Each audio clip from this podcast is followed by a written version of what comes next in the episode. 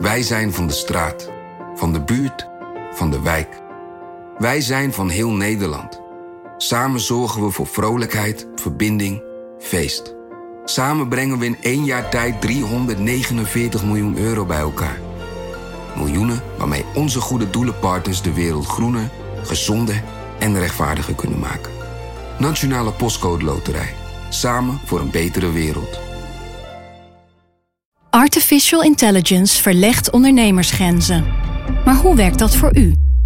Als transformatiepartner helpt Capgemini u kansen te ontdekken en benutten, zodat we uw ideeën tot leven brengen. Vorm uw eigen mogelijkheden met generative AI.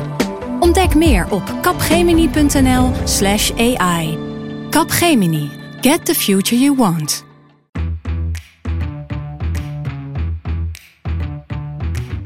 Dit is NRC Haagse Zaken. Mijn naam is Lemja Aharoy. Vier mannen zeggen tegelijkertijd ja tegen elkaar. Het was niet direct liefde op het eerste gezicht, maar we hebben elkaar gevonden in hele ambitieuze plannen. Alles is gelekt behalve de paginanummers. Sproeien is misschien een beter woord dan lekker. Het coalitieakkoord, dat is ambitieus en evenwichtig. En met dit pakket hebben we dan ook daadwerkelijk vertrouwen in de toekomst. Wat fijn dat je luistert. Dit is de wekelijkse Haagse podcast van NRC met elke week actualiteiten, anekdotes en achtergrondverhalen van en door de Haagse redactie van NRC. En als je nu tijdens het luisteren even op je telefoon kan kijken, alleen als het veilig is natuurlijk, druk dan even op het knopje abonneer. Dat is belangrijk. Dan krijg je altijd ook een melding als we een nieuwe aflevering hebben geplaatst. Dat is handig. Uh, deze week aan tafel Thijs Niemand Verdriet en Marieke Stellinga. En even heel kort door de bocht. Marieke, jij weet alles van uh, geld en politiek. En Thijs, jij weet alles van het spel en politiek. Politiek en politiek. Oh, Oké. Met de grote en de kleine P. Precies. Oké, okay. het regeerakkoord is er eindelijk. Dagen van stilte, dagen van uitspraken als we kunnen alleen zeggen dat we niks kunnen zeggen. Meer van dat soort pareltjes. Nu lag je er dan eindelijk het uh, regeerakkoord. Iets dat we echt konden vastpakken en doorbladeren en doorlezen. Iedereen wilde de afgelopen dagen nog even iets kwijt over het motto. Dus ik geef jullie hier allebei 30 seconden de tijd om uh, nog eventjes uh, erover te spuien. Willen, moeten jullie daar nog iets over kwijt? Vertrouwen in de toekomst? Um, het was zo weinig zeggend. Ja, uh, ze waren duidelijk heel erg vermoeid en uitgeput. En dit was duidelijk een sluitstuk. Want erg veel creativiteit spreekt er niet uit. Nee, ik vond de zin, we zijn voor verschillen en tegen tegenstellingen ja. beter. Had die voorop gezet. Echt? Is, en nu ben je, ben je sarcastisch nu? Of, uh... Nee, nee, dat nee, is een goede zin. Echt? Serieus? Ja, Oké, okay, dat was er nou eentje waar ik echt heel lang... Die heb ik een paar keer moeten lezen. Oh, ja? ja? Ja. Ja, dat is toch wel de essentie van heel veel discussies. Het is goed dat we verschillend zijn, maar we moeten niet tegenover elkaar komen te staan. Dat soort uh, gemeenschapszin. Wordt dat dus eigenlijk het motto? Dus zeg maar eventjes, als jullie een motto hadden mogen kiezen, dan was dat het geweest. Nou, het leuke van die zin is dat hij niet alleen gaat volgens mij over hoe ze tegen de maatschappij uh, aankijken. En hoe het kabinet om wil gaan met uh, politieke problemen, maar ook hoe ze er zelf in zitten. Ja. Uh, namelijk, wij zitten er ook allemaal een beetje voor onszelf.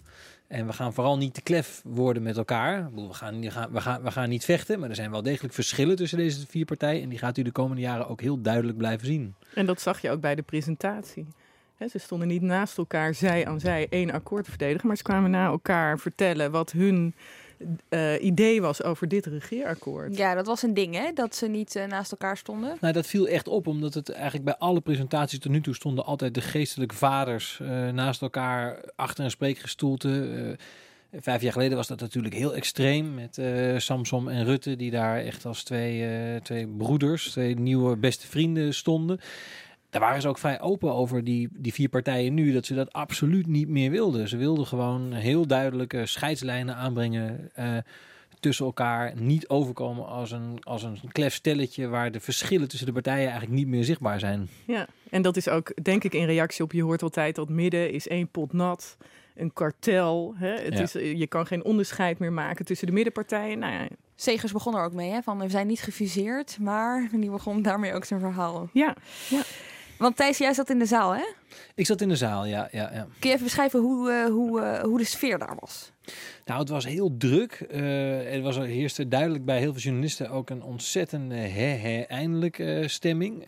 want Het leed van de journalisten is natuurlijk niets vergeleken bij het ander groot leed in de wereld. Maar het Heel was toch in een, in, een, in een journalistenleven was het toch wel de duur van deze kabinetsformatie een aardige beproeving.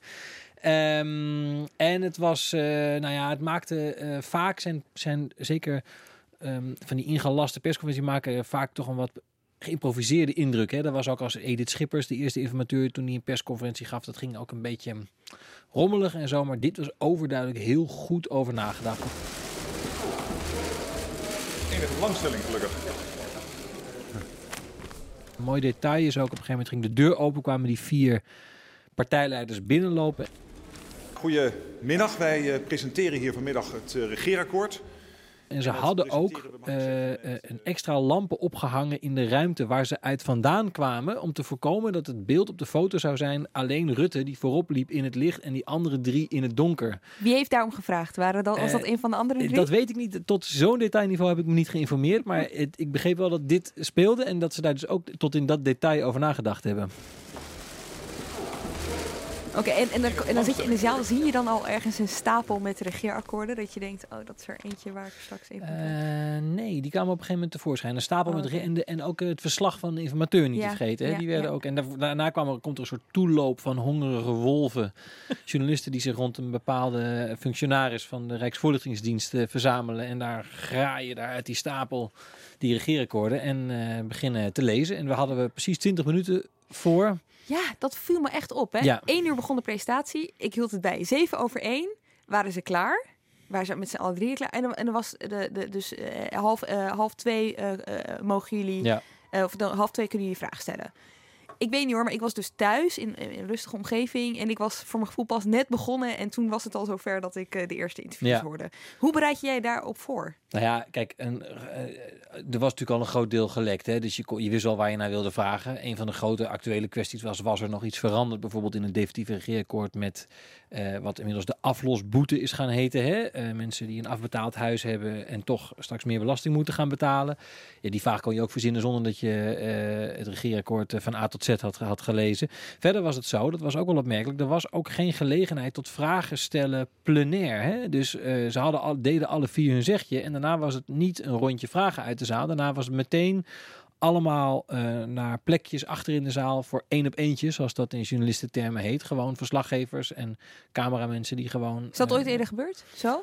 In zolang als ik eh, me kan herinneren niet, nee. Dus dat was ook strak geregisseerd. Dus jij zat in die hele, dat hele hok, eh, nou ja, in, in, in, laat ik het zeggen, het hele strak geregisseerde van die zaal. En Marieke, jij zat dus op de redactie. Ja, we hadden Jij bedacht dacht, dat dat beter uit. was. Want dan komt hij ook online. En Ja. dan kan je daar gewoon dat ding uitprinten of gaan googlen online in wat je zoekt. Ehm, maar ik werd heel ongeduldig, want ik zag dat hij daar al werd uitgedeeld. Dat zag ik natuurlijk eh, op beeld.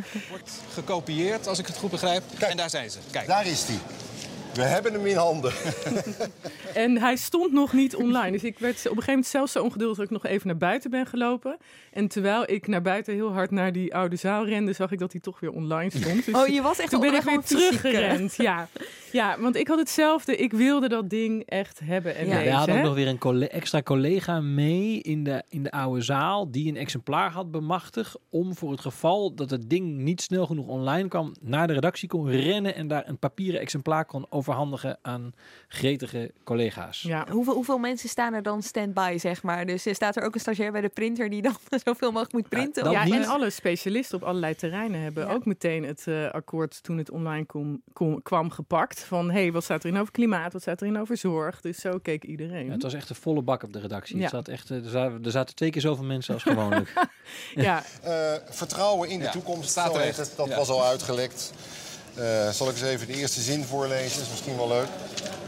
In Nederland gaan individuele vrijheden en een hecht collectief hand in hand. Dat is de eerste zin van het regeerakkoord. En de grap is dat jij begint dan denk ik voorin te lezen en ik Ja. achterin. Hè? Dus ik begin dan bij de cijfers. En eh, nou ja, eigenlijk begin ik zelfs bij de doorrekening van de economen van het Centraal Planbureau. Die zeggen van hè, even kijken of daar dingen in staan. Hè? Want daar wordt zeer zelden uitgelekt. Dus dat was nog helemaal nieuws. Dus daar keek ik eerst naar. En toen begon ik in de, aan de achterkant eigenlijk bij de financiën. En dan zo langzaam naar de economische plannen. En jij begint bij de geloofsbrief, Thijs. Ja, ik ben bij de inleiding begonnen. De toonzetting. eh, Wat, wat wilden ze nou benadrukken? Eh, daarna ben ik ook gewoon eh, eh, ben ik het helemaal gaan lezen. Waarbij ik moet toegeven dat ik niet iedere bullet point bijvoorbeeld in de klimaatparagraaf tot in detail heb gelezen. Simpelweg omdat dat zo technisch is dat dat, eh, eh, ja, dat, dat, dat is echt werk voor specialisten. Mhm. en er was gewoon eh, niet genoeg tijd voor. Ik zie hier allemaal verwijtende blikken vanuit Ja. Marieke jouw kant op gaan. Marieke Kijk heeft het wel weg. helemaal gelezen en begrepen. Nou, ook niet allemaal. Het- Mhm. en het is ook zo, zo'n akkoord. Hè, bijvoorbeeld, ik keek naar de arbeidsmarktparagraaf. Ja, daar staan zinnen in dat je denkt, wat staat hier? Daar heb je echt nog wat toelichting bij nodig. Ja. En eh, vaak betekent dat weinig goeds overigens. Als het niet heel helder staat, Ja, dan ja. is dat ook nog misschien wel, een- wel een leuke observatie, die kwam van onze collega Tom Jan Meijers. Die zat ook tegelijk met ons te lezen. Die zei, eigenlijk zie je, heel, zie je in dit regeerakkoord heel duidelijk waar ze het moeilijk mee gehad hebben en waar het, en waar het makkelijk was. Bijvoorbeeld eh, de belastinghervorming, daar waren ze het in grote lijnen met elkaar over eens. En wat daar staat, kraakhelder. Dat begrijp je meteen als je het leest. Maar bijvoorbeeld de arbeidsmarkt, waar nog wel toch Ja. een beetje eh, gedoe over was en wat moeilijk is. Ook met de polder. Daar stonden dus die zinnen in waarvan je de- denkt van mijn hemel, wat bedoelen ze hier? Ja. En als je het nog eens goed leest, dan blijkt het toch allemaal wat minder stellig te zijn dan wordt aangekondigd. Want dan is het toch van ja, we gaan een nader plan maken. Of we gaan Ja. hier over overleggen met de sociale partners. Ja. Ja, dat is toch niet iets. Dat is toch iets anders dan we gaan dit doen. Punt. Ja, het is echt close reading. Ja. Dat was ook bij de pensioenparagrafen. Er staan dan hele spittige dingen, maar er staan zinnen omheen, waardoor je denkt, oh nee, we gaan eerst nog langs de polder. Ja, ja, ja, ja. Ja, ik moet wel trouwens nog één ding zeggen over de, de dikte van het eh, regeerakkoord. Ik heb gezegd 54 pagina's, dat valt mee. Maar ik weet niet of je het goed kan zien. Het lettertype is wel heel erg klein. En de regelafstand is ook heel erg klein. Dus het is toch eigenlijk wel dikker dan we dachten. Jullie lezen het in principe dus eigenlijk eh 24 uur nadat de fracties het hebben gelezen, of zelfs iets minder. Nou ja, en, eh, Jeroen heeft een cursus snel lezen gehad ooit. Ja, Eh, ik niet. Dus eh, Jeroen is al eh, veel verder dan ik. Ja, ik maar, eh, Kunnen jullie me even mee? Valt er iets meer te zeggen over wat er is gebeurd binnen die fractiekamers? Laten we beginnen bij de VVD. Die zijn het langs doorgegaan. Was daar nou zoveel oneenigheid over wat er in dat akkoord stond? Of was er iets anders aan de hand? Nou ja, daar is zeker gesproken over die aflosboete. Eh, en dat is ook een van de punten die daarna nog is veranderd. Ehm, hè, dus daar is in plaats van in 20 jaar wordt dat ding ingevoerd in 30 jaar. Nou ja, Ja. hij wordt dus ingevoerd, maar langzamer dan voorheen. Ja. En de VVD deed er ongelooflijk lang Ja. Ik heb op een gegeven moment een groep journalisten daar ook nog buiten gestaan. Daar stonden mensen al een uur of zes, zeven, ook deels in de regen. Ja. Is dat, ook niet een Respect. is dat ook niet een beetje symboliek? Zo van wij zijn de laatste, we gaan heel lang door, we maken het super spannend. En dan denkt Ja, maar iedereen nee, dat we... ja, dat, ja dat, dat was het zeker. Eh, want eh, bij de VVD speelt natuurlijk ook mee dat de kritiek was eh, vijf jaar geleden met het regeerakkoord met de Partij van de Arbeid dat het allemaal dat het door de fracties heen gejast was. Hè? Dat het ze maar een paar uur kregen. Dat de presentatie op dat moment ook al voor later die middag gepland stond. Hè? Dus daar, daar, daar kon niet meer van afgeweken worden. Ehm, nou, ik begreep, zijn er geen hoog oplopende discussies geweest bij de VVD. eh, maar hebben ze er gewoon echt expres een tijd voor genomen om te laten zien van... jongens, kijk eens, de fractie praat mee. eh, we nemen alles eens eventjes netjes door en Mhm. dan geven we een klap erop. En was het, was het nou bij hun ook het meest... eh, welke partij had het meest ingewikkeld? Nou, interessant Mm. genoeg eh, was het bij de ChristenUnie eh, nog best ingewikkeld. Eh, daar eh, kon namelijk een van onze collega's, eh, die stond daar voor de deur, die kon daar eh, door een glas- en loodraampje naar binnen kijken. Aha. En, bij het, en daar heeft hij ook verslag van gedaan in de kranten de volgende dag. En die zag daar een heel tafereel rond het Kamerlid Joël Voordewind, wat ging over het kinderpardon. Wat niet verruimd wordt, wat heel moeilijk is voor de ChristenUnie, want die hebben daar altijd wel voor gestreden. Heel principieel punt Heel, is het heel natuurlijk ook. principieel punt, waar, waar ze ook niet als geld van we doen er, doen er tien jaar langer over of we doen er 100 miljoen bij. Of, en en nou ja, daar was een stevige discussie en uiteindelijk eh, is Voordewind daar door de pomp gegaan. Eh, maar dat duurde veel langer. En het grappige was, er ontstaat ook een soort sfeer op een gegeven moment van stemming van... Oké, ze gaan alle vier lezen. Eh, dat duurde al uren voordat die facties konden beginnen. Want ze hadden allemaal maar één papieren exemplaar meegekregen omdat ze anders bang waren dat het zou uitlekken. Die dus nog allemaal gekopieerd moesten worden. Dus dat duurt eindeloos. Zit daar dan zo'n watermerk op of zo? Zodat als het uitleekt dat je ziet ja, dat staat het in van ieder geval op een eh, partijnaam. ja, er staat ja, ja. erop. En uh, dus, dus, dus het duurde al eindeloos wat ze konden lezen. En op een gegeven moment waren D66 en CDA, die waren eruit. Die kwamen naar buiten. Dus dan ontstaat er zo'n stemming van, goh, nou, die twee zijn eruit. Hoe zit het bij de andere Ja. partijen? Zouden daar misschien problemen zijn? Dun, dun, dun, dun, Nou, en bij de. ChristenUnie, eh, eh, die hadden afhankelijk als eerste aangekondigd dat ze een statement zouden afleveren. Maar die waren uiteindelijk pas als derde. Dus, eh, nou ja, dat is een beetje de, de sfeer eh, waarin het zich afspeelt eh, allemaal. Ja, Joel Voordewind, dat was ook het Kamerlid, dat ene Kamerlid dat eh, misschien nog. Hij iets- zou het 76e Kamerlid Precies. kunnen zijn, hè? Ja, ja. dat de coalitie onder spanning zit. Iemand op wie ja. we moeten letten de komende Ja, tijd. Zeker. Oké, eh, dan gaan we naar ehm, de winnaars en de verliezers. Jullie hebben dus, eh, hè, je, je zei het net al, Marieke, jij begon achterin, Thijs, jij begon voorin eh, dat akkoord.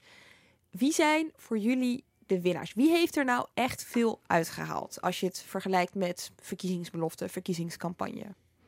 Nou ja, het- ik denk dat het eh, CDA heeft eh, zeker punten gescoord. Eh, zij krijgen eigenlijk het hele belastingstelsel dat zij wilden.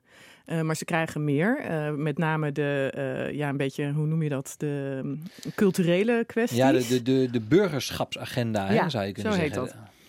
Daar heeft, daar heeft de Buma, maatschappelijke dienstplicht. daar heeft. Buma enorm op getamboureerd tijdens de verkiezingen. Eh, kinderen moesten het Wilhelmus leren zingen. Eh, ze moeten een maatschappelijke dienst gaan doen. Eh, iedereen moet, een- moet meer weten over onze grondwet en over onze geschiedenis. Nou, dat staat er allemaal in. Dat is natuurlijk niet iets politiek ingewikkelds en groots wat geld kost. En dat is ook een kort stu- stukje tekst eigenlijk maar in het regeerakkoord. Maar dat is natuurlijk wel iets waarvan hij kan zeggen, dat gaan we doen. En waar, waar we hem de komende jaren nog ontzettend veel over zullen horen, denk ik. Ja, en in het eh, klimaatdeel was heel spannend. Wat eh, gebeurt er? Wat voor maatregelen worden genomen ten aanzien van de landbouwsector? Dat is natuurlijk een eh, belangrijk deel van de achterban van het CDA. En dat valt eigenlijk best mee. Dus dan zou je kunnen zeggen dat het CDA de landbouwachterban, hè, de boerenachterban goed heeft be- in bescherming heeft Mhm. genomen. Dus puur als je kijkt naar het binnenhalen van puur financiële zaken, dan heeft het CDA gewonnen. Is dat, geldt dat ook zo voor het binnenhalen van politieke? Nou ja, nog één aanvulling. Ze hebben twee dingen echt verloren. Het eigen risico moest omlaag. Ja. Dat, daar heeft CDA heel erg campagne op gevoerd. Hebben ze niet gekregen. Het wordt bevroren, maar het is niet hetzelfde als omlaag. En eh, ze wilden de basisbeurs weer invoeren. Daar hebben ze toch ook een nummer van gemaakt. En dat gaat ook niet gebeuren. Ja, in plaats daarvan krijg je een korting op het eerste collegejaar. Ja, het leenstelsel blijft. eh, en je krijgt het eerste jaar eh, korting op je collegegeld. Maar dat staat natuurlijk niet in verhouding Mhm. tot wat het CDA wilde. Hè. Het is een schuld aangaan. Daar zouden studenten vrees voor hebben. Met name mensen die misschien wel uit wat eh, minder rijke gezinnen komen. Dat was onrechtvaardig, dat moest anders. Ja, dat gebeurt niet. Ja. En eh, dus het CDA is zeker eh, eh, een van de, van de spekkopers in, de, in de nieuwe coalitie. Maar Wat- is, wat- is, Buma, is Buma nou zo'n goede onderhandelaar? Of heeft hij het geluk gehad dat hij een verkiezingsprogramma had waar iedereen een beetje van dacht van nou, oké, dat ligt wel een beetje in het Nou, hij midden heeft van het wat geluk we willen. ge- eh, ge- gehad dat hij natuurlijk in, een beetje in het hart van de coalitie ligt. Hè? Kijk, eh, het CDA is niet een van de uiterste. Eh, de D60 is het duidelijke pro- progressieve buitenbeentje van de coalitie. Ehm, eh, en verder, en de VVD is, laten we zeggen, sociaal-economisch, had het meest rechtse programma. Ehm, maar ehm, ja, het CDA zat eigenlijk op al die punten, ehm, zaten, ze, zaten ze comfortabel in het midden. Eh, wat denk ik ook wel gewerkt heeft, is dat CDA heeft ook, is ook nooit in een ingewikkelde situatie beland qua politieke keuzes. Kijk, voor, voor Pechtold is dit natuurlijk een hele worsteling geweest in het begin. Die wilde eigenlijk niet met de ChristenUnie. Heeft zich daar toen, ja, er was eigenlijk geen andere optie meer. Toen is hij toch gaan doen. Eh, De ChristenUnie had ook heel veel twijfels bij D66. Eh, de VVD wist, eh, we hebben het later nog wel over, dat ze natuurlijk als grootste partij en als leverancier van de, van de, van de premier eigenlijk een beetje gedoemd waren om veel in te leveren relatief. Dat is een beetje het lot van de grootste partij.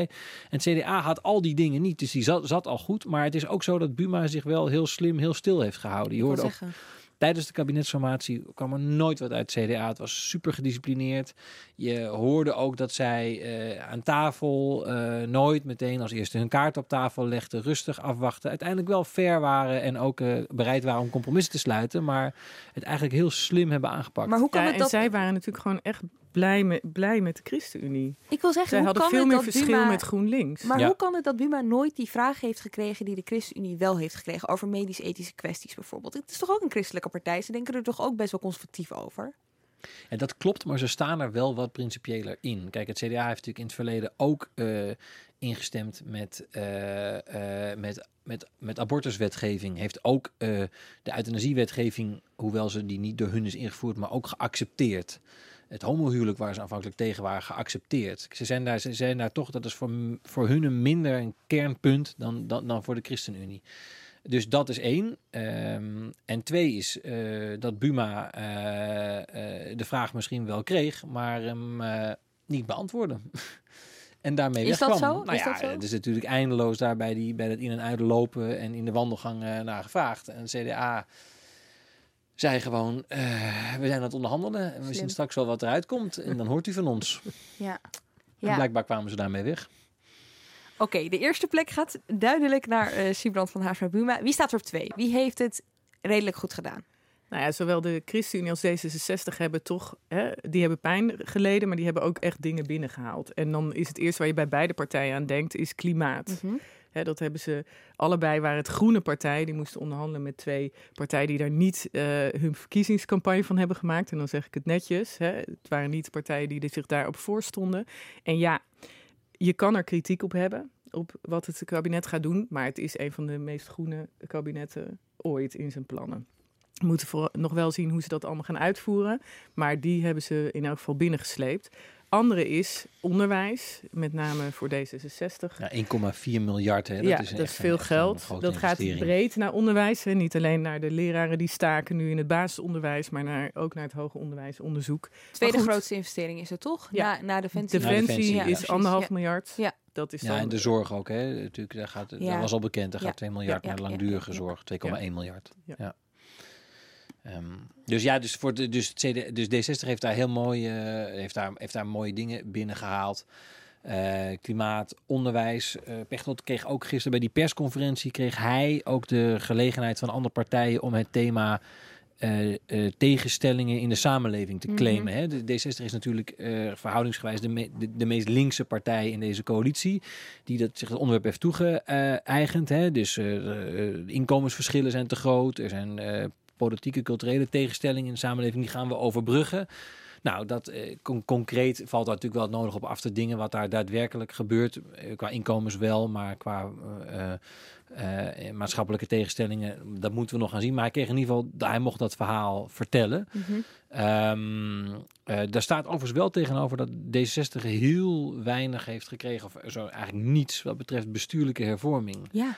Nou, eh, Ehm, de gekozen burgemeester. ja, nee, maar dat is dus eigenlijk, om het even heel bot te zeggen, een fopspeen. Eh, wat, Oh. daar, eh, wat daar eigenlijk gebeurd is, is dat de partijen zich erachter geschaard hebben, achter een proces wat al gaande is, namelijk dat de benoemde burgemeester uit de grondwet gehaald gaat worden. En dat is een stap 1 op weg naar mogelijk de gekozen burgemeester. Maar dat was al zo voor het En dat proces is al aan de gang. En de kans was eerlijk gezegd al behoorlijk groot dat dat ging lukken. En nu hebben die andere drie partijen zich nu formeel achtergeschaard. Dus nu gaat het zeker lukken. Maar omdat het een Oh. zo langdurig proces is, wil dat, betekent dat eigenlijk dat er in deze regeerperiode, en daar zijn ook geen afspraken over gemaakt, niets besloten gaat worden over hoe die burgemeester dan vervolgens wel gekozen gaat worden op het moment dat, eh, dat, die uit de, dat de benoemde burgemeester uit de grondwet gehaald is. Gaat dat door de bevolking zelf gebeuren? Gaat de gemeenteraad dat doen? We weten het niet en, En dit kabinet gaat het niet eh, besluiten. binnen vier jaar. En toch zijn Ehm, ze zijn wel het referendum kwijt of het. eh, Ja, het maar daar, ook, daar ja. zal Pechtold ook niet heel erg droevig over zijn. Want eh, dat referendum, ook hoe dat ging vorig jaar met het Oekraïne-referendum, daar was ook D66 heel ongelukkig over. In hun ogen gekaapt door de populisten. En ehm, dus dat was niet een, dat, dat is geen grote ramp voor hun. Maar goed, netto is het dus niks, want er staat niks tegenover. Geen enkele aanpassing aan het stelsel of de manier waarop ons land bestuurd wordt. En een ander verliespunt voor D66, het is natuurlijk de hervormingspartij. Hè. Er moet veel hervormd worden, zeker economisch gezien. Belastingen, het belastingstelsel, arbeidsmarkt, pensioenstelsel. En dat, ja, dat is er niet. Hè. Er worden dingen aan veranderd. Maar ik zou het geen hervormingen willen noemen op die drie terreinen. Oké, want zo wordt het wel geframed hè, tot nu toe. Als in, eh, er, wordt, eh, er gaat heel veel gebeuren op het gebied van eh, belastingen. en Ja, maar het, is, het stelsel wordt niet eenvoudiger, niet simpeler. Er komen allemaal belastingen bij. Ehm, ik, kan, ik zou dit geen hervorming van het belastingstelsel willen noemen. Dan moet dat veel verder gaan. Het is een eerste stap in best grote veranderingen. Waarvan je kan afvragen of uiteindelijk de Belastingdienst er blij mee is. Hè, of het veel het simpeler wordt om het uit te voeren. Eh, want ja, je ziet heel veel kleine belastingmaatregelen weer. Dus Ja. eh, dat Gaat er eigenlijk geld vraag. naar de Belastingdienst? Als in eh, die eh, zijn Ja, er gewoon iets extra, bijna ja. een half miljard of ja, zo, hè? Ja, Ja. ja. En eh, er was ook al op Prinsjesdag, ja, zij hebben daar echt een probleem. Ja, precies. Daar is nogal wat geld Ja. nodig ook. Ja. En wat meer dan alleen geld. Oké, dus zullen we zeggen een gedeelde tweede plaats dan voor D66 ChristenUnie? Of hebben jullie zoiets van, eh, nee, daar zit nog Ja, die kunnen allebei tevreden zijn. Zeker de ChristenUnie, als je bedenkt dat die met afstand Klein. de kleinste Ja. partij zijn met Ja. vijf zetels. Die Ja. hebben wel, dat kinderpardon was heel eh, pijnlijk. Eh, maar goed, die hebben wel bijvoorbeeld iets wat voor hun heel belangrijk was. Er komt een pooierverbod. Eh, dat is heel erg, dat de hele prostitutie is een thema waar Gert-Jan Segers zich al heel lang op roert. Ook al voordat hij partijleider werd. Dat is toch wel, dat is wel echt een verandering. Want dat is, dat is toch echt een ommekeer in hoe wij omgaan met prostitutie in Nederland.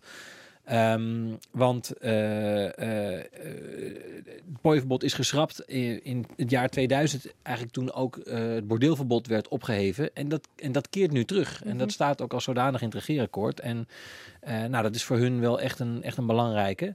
Ehm, en dan vergeet ik er, Ja. waren er bijna nog één vergeten, Marieke. De wietteelt. De wietteelt. Oh ja, voor want dat is D66. echt een, Ja. een eh, zeer interessant eh, eh, plan.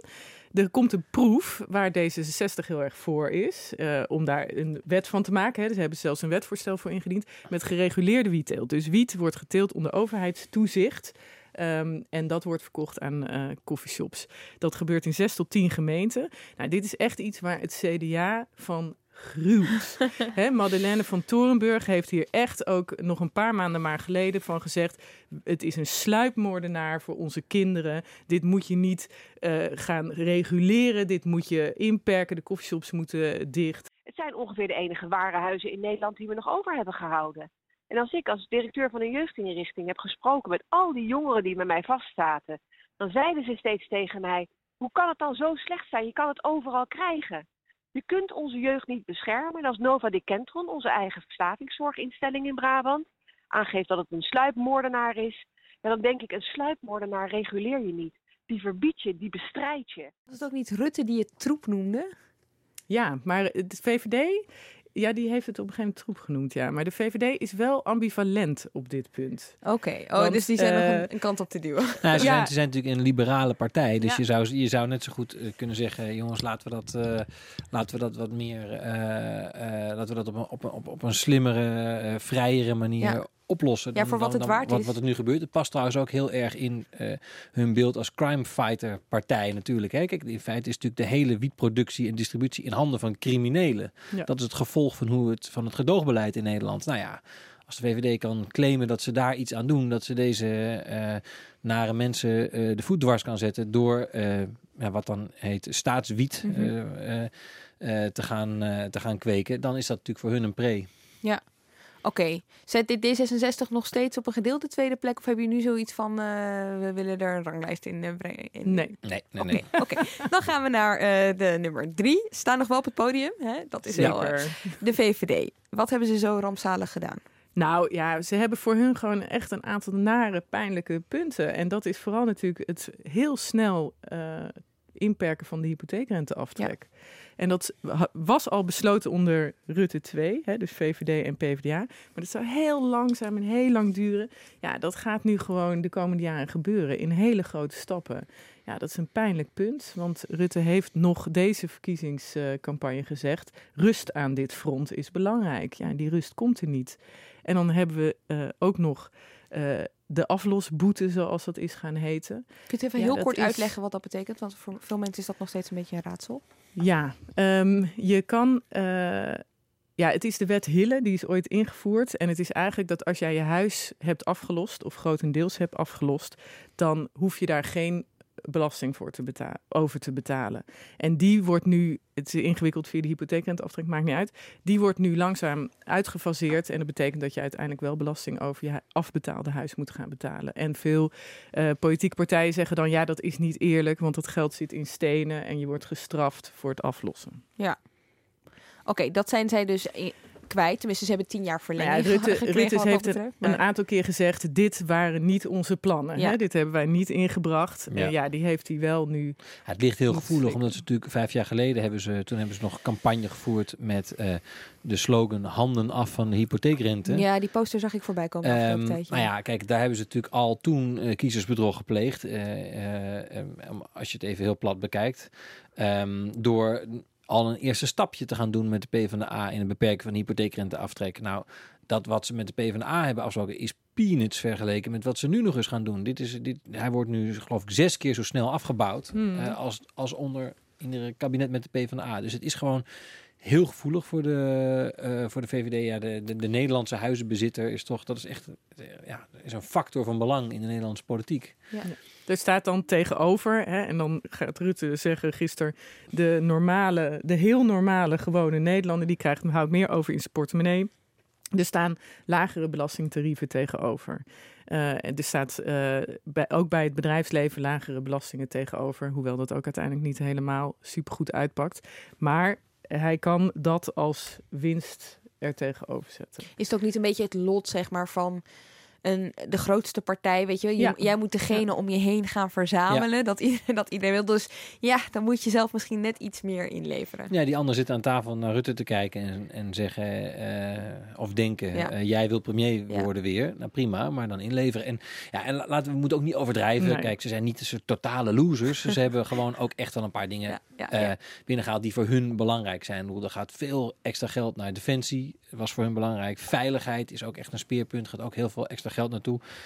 Er komt ook weer geld voor verbreding van wegen, asfalt, ook echt een VVD thema. Dus zij hebben voor hun gevoel genoeg waarmee ze hun achterban tegemoet eh, eh, kunnen treden. Alleen ze hebben niet een- zo'n paar... Die andere partijen hebben allemaal zo'n mooi, zo'n mooi symboolding wat ze, wa- waar ze mee ze kunnen, waar, waarmee ze kunnen pronken. Hè? Dus de D66 met dat klimaat en die wiet, CDA met die burgerschapsagenda, eh, Mhm. ChristenUnie ook eh, met, met, met, met klimaat. En, en zo'n ding... Ja, ik weet niet hoe jij er tegenaan kijkt, Marieke, maar zo'n zoiets, zo'n mooi symbool zit er voor de VVD op een of andere manier niet in. in dat Nee, minder. Het telt dan op. Ja, die lastverlaging, maar die hebben de andere partijen eigenlijk ook Ja. hè, gewild. Eh, daar hebben ze ook campagne op gevoerd, dus die kunnen ze niet alleen claimen. En ja, eh, criminelen eh, strenger aangepakt, eh, als ik Ja. goed begrijp. Ja, dividendbelasting. Hè, er gebeuren Ja, echt wel dingen ja. waar zij ook wel blij van worden. Maar er staat veel tegenover. En pijnlijke, eh, pijnlijke dingen. Ook de btw-verhoging. Hè? Dat is natuurlijk ook eh, kleine ondernemers, middenstand. Ja, het is, het, is, Ja. ui- het is uit te leggen. Maar om nou te zeggen, je gaat er lekker de boer mee op. Over de boer me mee af. opgesproken. Nou, Ja, we moeten het even gaan hebben over ministerposten. Want eh, in het verslag van Zalm, hè, hij heeft het er al even over gehad. Hij heeft onder andere gezegd, we zijn er nog niet uit over de posten. Ja. Wat weten we al wel? Nou, wat we weten is eh, het aantal ministers en staatssecretarissen dat er gaat komen. En eh, dat zijn er 24. En we weten ook hoeveel van die bewindslieden iedere partij krijgt. Dus dat is volgens de verdeelsleutel 6442 bij ministers in, eh, van groot naar klein. Ja, precies. Dus zes voor de VVD, eh vier voor CDA en D66, twee voor de ChristenUnie. En staatssecretaris is daar dan weer de helft van. Drie voor de VVD, twee voor CDA, D66 en één voor de ChristenUnie. Dat telt op tot 24, dat weten we. Maar hoogst ongebruikelijk eh, zijn ze nog niet uit welk departement naar welke eh, partij toe gaat. Eh, dat is meestal wel het geval. Op het moment dat ze het regeerakkoord klaar hebben, hebben ze meestal overeenstemming ook over het departement. Hebben ze nu niet en gaan ze dus nu nog doen. En is dus nu werk van de formateur die morgen benoemd gaat worden. En dat is premier Rutte. Dus die gaat dit nu met die andere drie partijen uit onderhandelen. Maar het is, to- het is toch niet een leeg vel of zo dat hij eh, nu ineens zelf... Nee, er is natuurlijk over gepraat. Ze zijn ook, er, zijn ook al, er zijn ook al ideeën en er is natuurlijk een aantal keer in de formatie over gepraat. Maar kijk, er moet wel een definitieve, eh, een definitief besluit over genomen worden. Ehm, En daar is best nog een puzzel te leggen, want eh, er, zijn, er moeten 16 ministers komen en er zijn 11 ministeries. ja, Dus er moeten op sommige ministeries twee ministers komen. Deze ploeg krijgt vijf ministers zonder echt een eigen ministerie. En waar gaan die landen? Welke zijn dat? Wat krijgen zij voor macht, voor rechten? Eh, even boerenverstand hoor, maar waarom eh, doen ze dan niet gewoon vijf minder? En doen ze de verdeelsleutel met minder per eh, partij? Omdat de ChristenUnie wilde twee ministers. ja, En dan zit je al op een hoger getal. vier partijen. Dus dan, eh, ja, en als, je, als, als de kleinste partij er al twee wil, met hun vijf zetels, reken maar na. Oh, ja. dan, zeggen die, en dan zeggen die partijen met 19 zetels, ja, maar ho, ho, ho, ho, ho, dan willen wij er in ieder geval vier. Nou, VVD is dan weer veel groter dan die twee middenpartijen, dus die willen, dan krijgen er dan weer zes. Ja, zo plat is het eigenlijk. Is dit logisch? Of zie ik, zie ik er de logica Nou ja, zeg maar, is politiek, het politiek, logisch? is het volkomen logisch. Eh, bestuurlijk eh, is het, ja, slaat het natuurlijk nergens op. En Rutte En- en- heeft altijd ge- met weinig bewindslieden willen re- regeren. Ja. Dat gaat nu niet lukken. Wat was zijn credo nou? Weinig en hard werken of zo? Hij Had hij altijd een Ja, zinnetje? ik weet niet wat precies het credo was, maar het was de Rutte-doctrine was een kleine bewindsliedenploeg. En ook het idee wat, dat, als ze, dat als ze net allemaal eh, iets te druk hebben Ja, voor wat ze eh, moeten Ja. doen, dan gaan ze harder lopen en worden ze betere bewindslieden. Ja. Nou, dat gaat nu zeker niet Zeg gebeuren de komende jaren. het komende kabinet. Oké, nou ehm, eh, goed. Het worden de, dus dat is het aantal. aantal. Weten we ook of er ministeries bijkomen of veranderen die we nu dus niet hebben? Ik, ik zeg maar wat landbouw bijvoorbeeld. of Nou, eh, in ieder geval is het zo dat wat in ieder geval gaat gebeuren, is dat er een minister van Klimaat gaat komen. Hè? Dat is een wens van D66. Ehm, Wordt het dan ook een D66er? Eh, dat zou heel goed kunnen. Ja, dat, die kans is heel groot. Ehm, en eh, dus daar alleen de vraag, waarschijnlijk wat er gaat gebeuren, is dat die minister op het ministerie van Economische Zaken gaat zitten, omdat daar nu al ook energie onder valt. En energie is natuurlijk een heel belangrijk onderdeel van dat klimaatbeleid. En dan moet er dus wel weer een brokje eh, van een ander ministerie komen. Want we hebben natuurlijk gewoon eh, milieu, wat natuurlijk ook onderdeel van het klimaatbeleid is. Dat moet dan van het ministerie van Infrastructuur en Milieu naar economische zaken toekomen. Ehm, nou ja, dat is, dat, is, dat is een van de dingen waarvan we weten dat er gaat gebeuren. Er is nog, het hangt nog in de lucht, begrijp ik, of er ook een nieuw, opnieuw minister van Landbouw komt. Dat is een wens van het CDA. Ehm, en, eh, en dan zitten we nog met eh, het hele grote minister van Veiligheid en Justitie. Ja, waar heel veel problemen waren, waar ontzettend veel onder Ja. valt. eh, en waar ze toch ook eh, met twee bewindslieden zaten de afgelopen eh, jaren. Dat zouden er in ieder geval wel drie en misschien zelfs vier kunnen worden. Ehm Ja. En de vraag, wij. het spel gaat nu over hoe ga je die ministeries verdelen? Ja. En Ja, wie ik- krijgt zeggenschap over wat? En dat is ontzettend belangrijk, want we hebben in het verleden wel ministers gehad zonder echt eigen ministerie, die eigenlijk jaren hebben geworsteld met hun macht en zeggenschap. Hè, die worden in Den Haag ook wel de minister voor spek en bonen genoemd, Ja. oneerbiedig, of de ministers van lege dozen. Bijvoorbeeld Het is- Plasterk? Eh, nee, nee, nee. Nee, Plastic had gewoon weinig. Ja. Ja, Eh, maar, hij had wel een eigen Hij ministerie. had eigen ambtenaren en eigen geld. Ja. En je moet denken aan Ella Vogelaar of André Rauwvoet. Ja, Ehm, wat hebben we nog meer voor leuke voorbeelden? Roger- Stef, eh, Stef Blok in dit kabinet, die trouwens wel eh, heel veel heeft bereikt, vindt iedereen. Dus het ligt er maar aan hoe je het invalt. Ja. Vult. Ja, je had Roger van, Boksel ja. ooit, onder een Ja. paars, kabinet Paars 2, was minister van Grote Stedenbeleid. Als je dat niet goed regelt, eh, dan is zo'n minister het eerste jaar bezig om geld voor zichzelf te regelen en ambtenaren. Bedoel je met niet goed regelen? Bedoel je gewoon Nou, als een dat doel niet, stellen als en dat daar niet wordt afgesproken aan, in het eh, regeerakkoord, keihard wordt, zwart op wit wordt vastgesteld. Deze minister krijgt zoveel ambtenaren op dat ministerie en een, en Ja. een budget van zoveel miljard euro. Ja. Dan, en dat zie je, dat lees je ook in de memoires van Ella Vogelaar, die beschrijft dat toch. Maar die eh, is vrij- maanden op zoek naar geld. Ja, ik heb laatst een aantal van deze oud-ministers geïnterviewd. eh, en hun naar tips gevraagd voor de mensen die hier straks... Het heet heel mooi, je bent minister van, dan heb je een eigen ministerie, of minister voor. Dan heb je geen eigen ministerie. Er komen nu vijf ministers voor. Wat zijn de tips van voorgaande ministers voor, zoals Ella Vogelaar? Die zeggen je moet in het eerste beraad dat je hebt als ministerraad, het constituerend beraad, moet je vastleggen, ook als het je is toegezegd, ook als het in het regeerakkoord een zinnetje stond, moet je vastleggen over hoeveel geld jij gaat. en even, over wacht welke ambtenaren. Even terug. Waarom bestaat dit? Waarom bestaat dit sowieso? Is dit dan gewoon inderdaad dat er te veel mensen zijn en dat ze denken... Nou, Het heeft ook te maken niet alleen met eh, dat er gewoon alle partijen genoeg ministers willen, maar dat er altijd partijen in een kabinet komen die een bepaalde eh, thema heel belangrijk vinden. Kijk, klimaat is een voorbeeld daarvan. Dat is voor de ChristenUnie en voor D60 een heel belangrijk thema. Nou, wat is de manier waarop je duidelijk maakt dat jij dat thema hebt binnengehaald? Dat is dat er een aparte minister in de treffenzaal komt die dit thema gaat behartigen. Oh god, krijgen we nu een minister van identiteit? Eh, nee, dat dan weer niet, volgens mij. Ja, er gaan verhalen, een minister van familiezaken en ouderen zou kunnen. Ja. Of voor, moet ik dan Nou ja, zeggen. bijvoorbeeld er zou sprake zijn eh, van dat er misschien een hele aparte bewindspersoon komt op het ministerie van Volksgezondheid die zich louter en alleen met de langdurige zorg eh, gaat bemoeien. Nou ja, dat is natuurlijk voor een partij als het CDA uh, uh, en ook voor de ChristenUnie is dat natuurlijk een heel belangrijk punt. Ja, maar dat klinkt ook nog wel logisch, omdat ja. dat iets is wat op de lange termijn natuurlijk iets is wat alles gaat beheersen misschien wel. Ja. Dus dat, oké. Okay, okay, maar het bestaat ook omdat er soms nieuwe beleidsterreinen opkomen, zoals nu klimaat. Ja. Hè, er is geen ministerie van klimaat. Je wil wel een minister van klimaat en je wil dat die zeggenschap heeft. Dat betekent dat die delen van andere ministeries nu onder zich moet krijgen. En, en wordt daar dan onderling, moet, moet ik me voorstellen dat er echt over gestemd wordt? Van uh, oké jongens, uh, dus aan tafel, hè, aan de formatietafel. Uh, ik wil een ministerie van Klimaat. Oké, wie vindt dat een goed idee? Oké, okay, handen omhoog. Genoeg. Nee, zo, ja, nee, ja. Het, het, dit is als het hele onderhandelingsproces eentje van ik wil dit, jij wil dat. Hoe komt dat spel ja. uit? Ja, dit is de kunst van het onderhandelen. Ja. Maar zijn er regels hè, met de verdeling van... Want je hebt dus natuurlijk vier partijen. Ja. Er zijn wel uh, bepaalde Haagse uh, ongeschreven regels. Ja. De, de grootste partij krijgt de minister-president. Uiteraard, ja. De tweede partij zou normaliter het, de minister van Financiën leveren. Dat is in dit geval het CDA.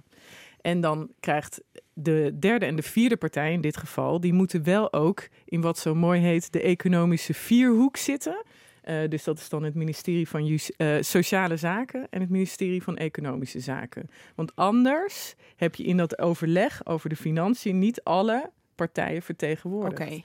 nou, dus heel dat praktisch. soort verdeelsleutels zijn, liggen er. Maar je moet, iedere partij wil over de cijfers kunnen gaan. Wil ambtenaren onder zich hebben die rekensommetjes kunnen maken. Zodat jij in je coalitieoverleg uh, in zekere zin een onafhankelijke positie kan innemen en kan zeggen: ja, maar wij hebben dit even doorgerekend en het zit toch zo.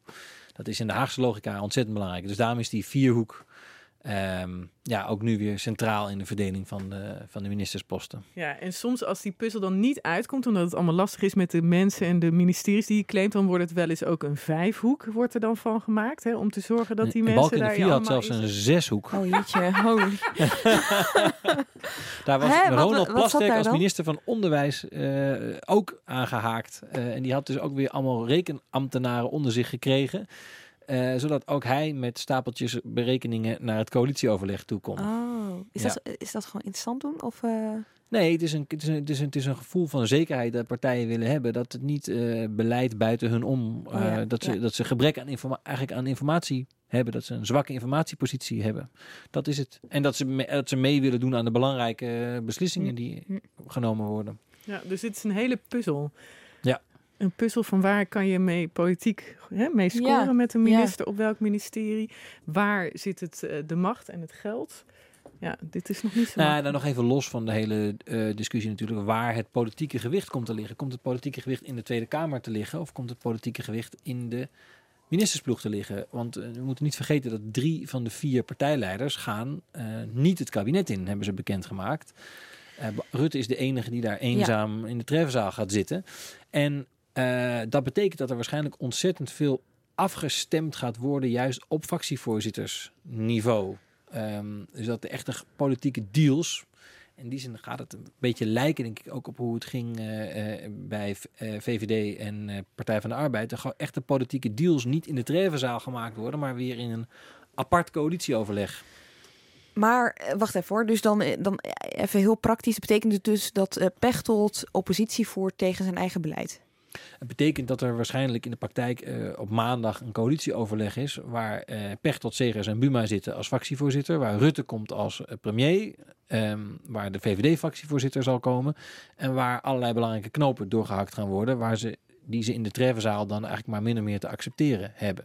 Het betekent ook, dat is jouw punt, dat er dus veel ruimte zou moeten zijn. In principe voor Pechtold om, en ook voor Buma en Segers ja. om uh, nou ja, het, het, profiel van zijn partij te bewaken vanuit de Kamer. Sorry, maar dit is echt zo uh, Haagse logica. Ja. Ik bedoel, voor, uh, sorry, maar voor de mensen thuis is dit gewoon, sorry. ja, Pechtold is gewoon van D66 en hij heeft het regeer, regeerakkoord mede ondertekend. En Buma is van het CDA en zijn handtekening staat er ook onder. En Segers is van de ChristenUnie en zijn handtekening staat er ook. Ja, idee, dus wel of niet in de Kamer. Hoe ja, gives Het idee is dat je als, je, dat je als je niet een bewindspersoon bent die de hele dag met beleid beleid bezig is, dat jij vanuit de Kamer de kans hebt om als jij vindt dat het met het kabinet toch niet de goede kant op gaat, dat er toch niet gedaan wordt wat je had afgesproken in het regeerakkoord, dat jij in de Kamer kan zeggen, maar jongens, dit was niet de afspraak. We willen dat dit beter en anders gaat. Is, is daar een voorbeeld van? Want bij Samson was dit niet helemaal Nou kijk, hoe het het grote voorbeeld wat altijd wordt aangehaald is Frits Bolkestein onder Ja. het eerste Paarse kabinet. En die deed dat ook echt. Dus die bleef in de Kamer en voerde daar op goed gekozen thema's. eh, thema's als eh, immigratie, integratie, maar bijvoorbeeld ook de invoering van de euro. ehm, oppositie tegen zijn eigen kabinet. Ik bedoel, eh, onder de tafel sloot hij het ene compromis na het andere en bracht hij het kabinet nooit politiek in gevaar. Maar in, in de beeldvorming, in de media, was het heel duidelijk van dit is waar de VVD voor staat. Bij Samson gebeurde het omgekeerde. Ja. Die eh, was eigenlijk meer een soort twaalfde eh, minister, dertiende minister. Eh, en die, eh, eh, ehm, ja, die, die slaagde er helemaal niet in om dat PvdA-profiel duidelijk te maken. Omdat hij eigenlijk ging, ging meedenken met die ministersploeg in de Tweede Kamer. Hm. Ik, ik moet, het moet nog maar blijken hoe geloofwaardig dit uiteindelijk overkomt, weet Nou je ja. Zo'n proef met de wietteelt waar we het net Ja, over hadden. ja. Hè, de, dit wordt de komende jaren dan heel interessant. Hoe verloopt die proef? Hoe interpreteer je de resultaten daarvan? Ja, dat kan wel een interessante discussie opleveren. Ook in de Tweede Kamer op zo'n moment. Hè, het ligt niet allemaal vast, Ja. al het beleid. Ja. En dan kan eh, fractievoorzitter Pechtold iets anders vinden dan eh, een minister van D66 die daarover gaat. Eh, ja, dat kan. Maar hij kan ook zeker iets anders vinden dan fractievoorzitter Buma. Ja. Oké. Oké. Je kijkt nog steeds een beetje Ja, vragen, ik, Lemia. ik, ik, ik, ik zit hier een, ik zit er een beetje over te twijfelen. zeg maar, iemand die erover leest in de krant, of die erover hoort op de radio, of die dan oh, echt bij zichzelf, oh nee, maar dat is, eh, die zit in de kamer. Dat is natuurlijk eh, heel anders dan dat. Ja, dat voor mij één, enige, één ding wat je in je achterhoofd moet houden is dit, dit, deze partij is een, is een coalitie. Deze coalitie is er omdat deze vier partijen ertoe veroordeeld zijn. Geen van deze vier partijen, misschien op het CDA na, wilde per se dit kabinet. Eh, ze doen het, eh, zeggen ze, omdat ze hun verantwoordelijkheid hebben genomen, omdat er nou eenmaal een kabinet moest komen. Dan is het van belang eh, dat jij als partij niet helemaal ga- in, gaat vereenzelvigen met dat beleid van het kabinet. Dan moet je die afstand Mm. maar het is je eigen beleid. Ja, maar je hebt natuurlijk ook allemaal compromissen gesloten. En in de praktijk gaat het altijd anders. Je kan een regeerakkoord schrijven van 54 pagina's. Er komt een economische crisis doorheen. Er vinden aanslagen plaats. Het loopt nooit zo als je had gehoopt dat het zou gaan. Ja, oké. oké. Zijn er namen die jullie al een beetje kunnen denken? ik denk, ik vraag me zo onverwacht mogelijk, dan, dan vliegt er misschien wat uit. Nou ja, er gaan allerlei namen rond, eh, maar dat zijn duidelijk nog namen die rondgaan. Hè. Eentje die al heel lang rondgaan is, eh, rondgaat is Wopke Hoekstra op eh, het ministerie van Financiën. Dat is nu een CDA-senator. Een vrij eh, jonge, ehm, relatief jonge man nog. Ja, ja. Nou, is die, die, gaat, die gaat rond voor financiën. Ehm, eh, de grote vraag is natuurlijk, wie gaan de vicepremiers worden? hè? Mhm. Eh, Carola Schouten, toch? eh, Dat- van de, het ligt in de lijn der verwachting Ja. en dat is ook, gaat Ja. ook waarschijnlijk wel gebeuren. Carola Schouten voor de ChristenUnie. Eh, eh, wie gaat de vicepremier worden van D66? Naam die rondgaat is Kajsa Ollongren, nu wethouder eh, in Amsterdam. En daarvoor local burgemeester. En daarvoor jarenlang heel hoog ambtelijk in Den Haag. Kent de Ha- Den Haag goed. Kent Rutte ook goed, toch? Kent Ook Rutte heel persoonlijk heel goed. Was Rutte's rechterhand op het ministerie. Ehm, en dan hebben we nog, nou ja goed, Hoekstra, zou dan ook waarschijnlijk vicepremier worden als hij op financiën zou komen. Ja. Verwachten jullie veel heel graag in het kabinet natuurlijk. Halbe Ja. Zelstra. Eh, op, op sociale zaken nog steeds? Ja, ik hoorde dat hem laatst wil bij- hij, maar dat ligt Ik dan hoorde hem laatst horen, eh, bij BNR zeggen dat hij ook eh, wel interesse had in buitenlandse zaken. Ja, dat is interessant. Want Was kijk, nieuw. ja, in, de, in, de, in de Haagse, in, als je de verdeelsleutel goed uittekent, en dan gaat het ook weer over die vierhoek en Ja, zo, dan ja. zou het eigenlijk het meest logisch zijn dat Carola Schouten voor de ChristenUnie naar sociale zaken gaat. Dan kan Halbe Zelstra daar niet naartoe. Eh, dus dan is er iets. Dan is Hij is een gewoon andere een plek. aan het Eh, en eh, nou wil het toeval dat zijn collega Janine Hennis vorige week is afgetreden als minister van Defensie. Zij was eigenlijk voorbestemd voor buitenlandse zaken. Als zij niet terugkomt, zou Zelstra naar dat ministerie kunnen. Ja, daarover gesproken, Thijs. We hebben toen een weddenschapje gesloten, hè? Ja, Ja, over wat zij zou doen. Over Ja. of zij in de Kamer zou blijven, of dat zij fractievoorzitter zou eh, worden. Dat was eh, de vorige afde eh, ja, aflevering. ja. Oké, wil je een update doen aan Nee, deze ik blijf bij mijn voorspelling. En Wat dat is was? die? Mijn voorspelling was, ze komt niet terug. Ze blijft in de Kamer, hè? Als, ze, ze ja, houdt haar Kamers wordt geen vast. fractievoorzitter en geen eh, minister. Durf je je hier aan te branden, Marieke? Mm, Ja, je zit er nu toch? ik ben met Thijs. Oh, oké. Veilig. oké, nou, eh, we En zijn wat dus... zei jij? Ik heb helemaal niks gezegd. Ik Oh. onthoud me van eh, deze stemming. ik dacht dat dit een weddenschap was met een fles wijn of zo. Nee, nee, nee. Nee, nee, nee, nee, nee. Dit is gewoon... eh, dit gaat om eer. Ah, je- we- Wedden jullie niet zo onderling af en toe? Nou, we hebben wel op de redactie bijvoorbeeld eh, eh, gewoon altijd een voorspelling van de, de uitslag van de Tweede Kamerverkiezingen. Wie heeft er gewonnen? Of kun je daar geen Ehm, eh, uitspraak Ja, wie was daar de winnaar? Dat weet ik niet meer zo goed. Ik Hebben zat, verdrongen, denk ik. ik zat er Wij flink, ik zat er dus flink naast. De weddenschap die ik overigens wel heb gewonnen was... Ja. eh, wanneer zou het kabinet op het bordes staan? Maar vertel even wat je voorspelling was. Mijn voorspelling was 12 september. Dat is waarschijnlijk eh, ja, anderhalve maand vroeger dan het uiteindelijk het kabinet op het bordes Mhm. komt te staan. Maar ik was wel de laatste datum van iedereen. Dus daarmee ben ik de winnaar geworden van deze. Contest. Oké, wel grappig. Want we dachten van het speculeren over het regeerakkoord af te zijn. En dan begint nu het speculeren over eh, de bewindslieden. En tussen al dat gespeculeer door is er één ding waarover we niet meer hoeven te twisten. De eerste aflevering begonnen we met taart van Dudok of Dudok. En toen concludeerden we dat niemand eigenlijk weet hoe je Dudok of Dudok moet uitspreken. Zelfs de mensen die er werken niet. En toen ben ik benaderd door een luisteraar via Twitter. Die had het antwoord, want het is een achternaam. Ehm, en dan weten we nu in ieder geval zeker hoe we het uit moeten spreken. Willem, hoe spreek ik jouw achternaam uit? Dudok. Gewoon Dudok, niet Dudok. Niet Dudok of, eh, of, eh, of eh, Dudok. Nee, gewoon Dudok.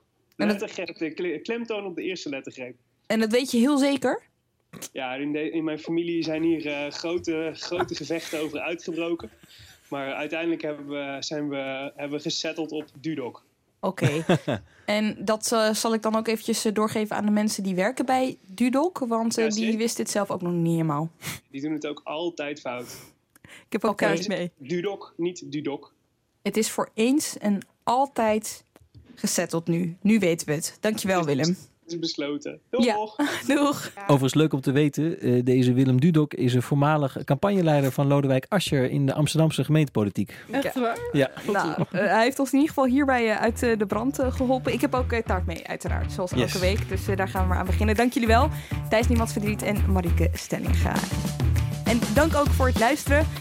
Zoals ik aan het begin ook al zei, vergeet je vooral niet te abonneren, want dan krijg je heel netjes een melding als we weer een nieuwe aflevering voor je klaar hebben staan. Ik zeg tot de volgende keer.